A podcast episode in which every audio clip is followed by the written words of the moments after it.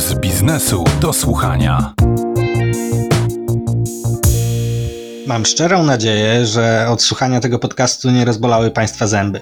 Ale jeśli rozbolały, to można bez wątpienia skorzystać z pomocy któregoś z tysięcy polskich stomatologów w gabinetach prywatnych, publicznych lub sieciowych. Boleć nie powinno. Zaboleć mogą natomiast straty w portfelu, zwłaszcza jeśli decydują się Państwo na bardziej zaawansowane zabiegi o charakterze estetycznym w klinice w którymś z dużych polskich miast.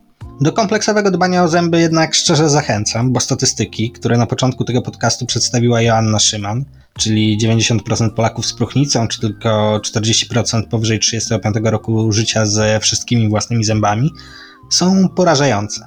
Stać nas na więcej. I nie mówię tu tylko o wydatkach prywatnych, ale i o tym, ile publicznych pieniędzy może iść na leczenie zębów obywateli. Ja już się z Państwem żegnam i gorąco zapraszam za tydzień do wysłuchania naszego kolejnego podcastu. O czym będzie? A to już niespodzianka. Dziękuję za uwagę. Mówił Marcel Zatoński, a to był Puls Biznesu do słuchania. Puls biznesu do słuchania.